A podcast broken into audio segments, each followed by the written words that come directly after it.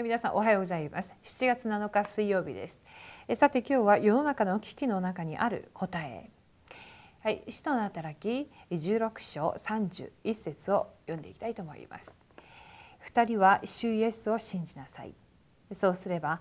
あなたもあなたの家族も救われます。と言った。はい。えほとんどの人々が問題危機が起きると解決するために努力します。しかし重要なことは問題と危機の中で神様の祝福を見つけることです。初代教会はすべての危機が答えの機会であることを知って事件ごとにいつも祝福を見つけました。私たちはこの事実を知って普段のスケジュールの中で祝福を見つけなければなりません。はい。私たちはたくさんの御言葉を聞いてきました。また聞いています。あといろんな訓練も受けていますけれどもでも問題にぶつかってしまいますと戸惑ったりそしてやはりまるで答えのない人のように未信者の状態に陥ったりもします。どうしてそういうことが起きてしまっているんでしょうか。今日ですね本当に問題があるならそれが本当の本当の問題ならそこには本当の答えがあるっていうふうに神は言われました。ではどのようにすればそのような答えを得ることができるのかでは見ていきたいと思います。はい、大きな一番です。精霊の満たしいつも精霊の満たしを味わって祈りの中で力を受けなければなりません。この時神様のすべての働きがなされる見業が起きます。これを知っていたパウロは他のことを心配せずに精霊の導きを受けようと断食しながらそして伝道の門が閉ざされる時は人間主義を使わずに祈りの祈りを通してより大きな答えを受けました。祈りの場を探すとその中でルディアに出会い悪霊に疲れた者を癒す働きを起こした起こしたりもしました。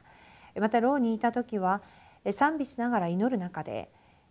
牢の扉が開き看守が救われる働きが起きました。はい。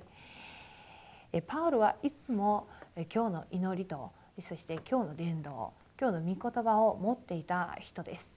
なので問題や危機の中でも全ての環境の中で神様の計画を見いだすことができました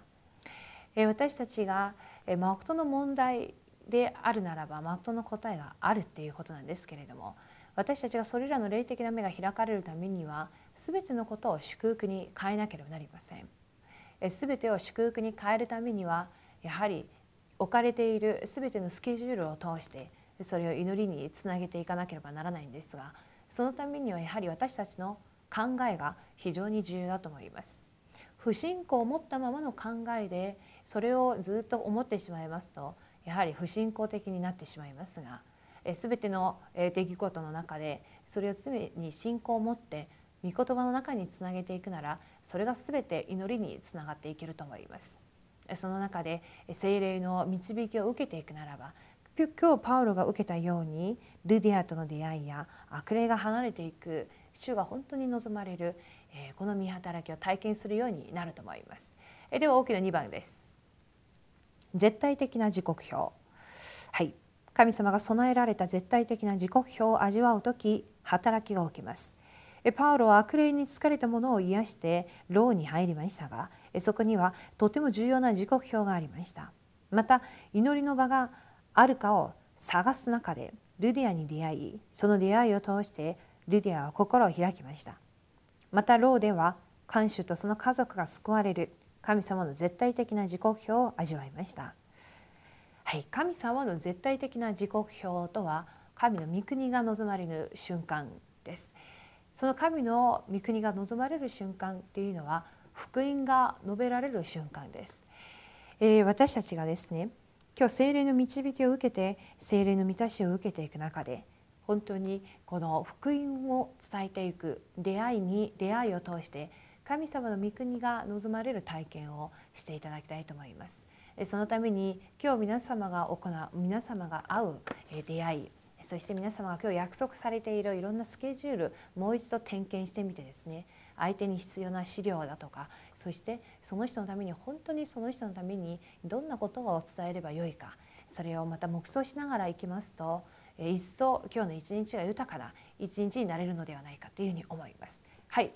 大きな3番です。より大きな伝道の門個人の有益を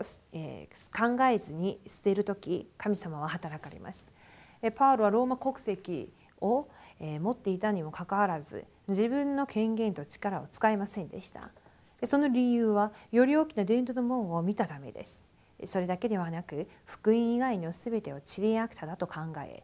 キリストの中にあるものと認められたという重要な告白をしましたそして自分は死に自分の中にキリストが生きておられると告白するくらい自分を捨てて私が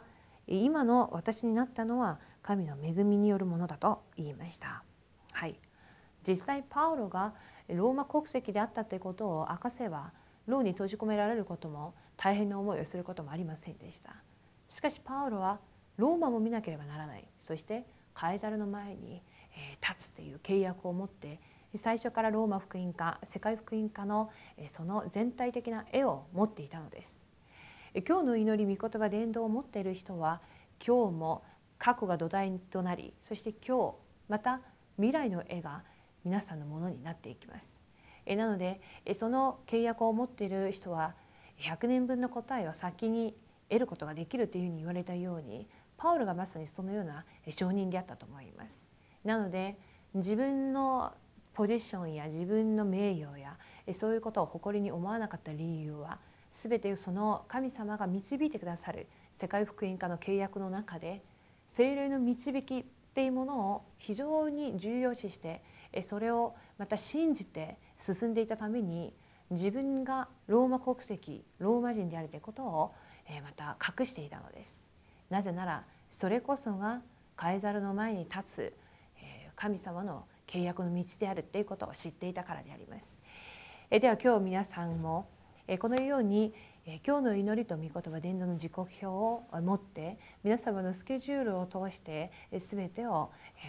やっていただきたいと思います。そうしますと必ず皆さんがおられるところでえ大きな危機が一番大きな祝福に変わっていくそのような答えを受けられるようになると思います。はい、では今日のフォーラムです。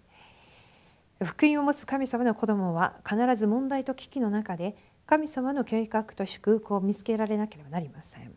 今日もより大きな伝道の門のために自分を捨てて神様の恵みの中に入ってください。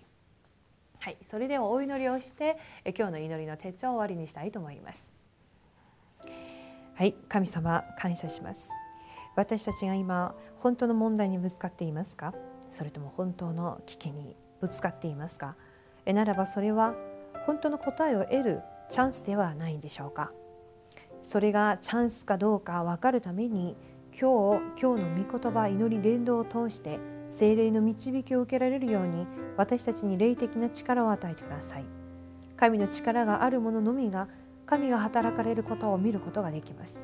神様の計画を持っている者のみが神様が導こうとするその道に従っていけるようになると思います。パウロのように危機の前で問題の前で自分を捨てて神の計画に従っていたこと従っていけるような信仰があったかのようにその神の力を私たちに与えてください。今日この祈りの手帳を通して共に祈っていくすべての現場に神の国が望まれますように未信者が生かされ現場が変わり弟子が起こされる一日になっていただきたいと思います。RUTC 時代今日の御言葉今日の祈り今日の伝道が新しくされる一日となりますように。すべてを感謝して主イエスキリストの皆によってお祈りします。アーメン。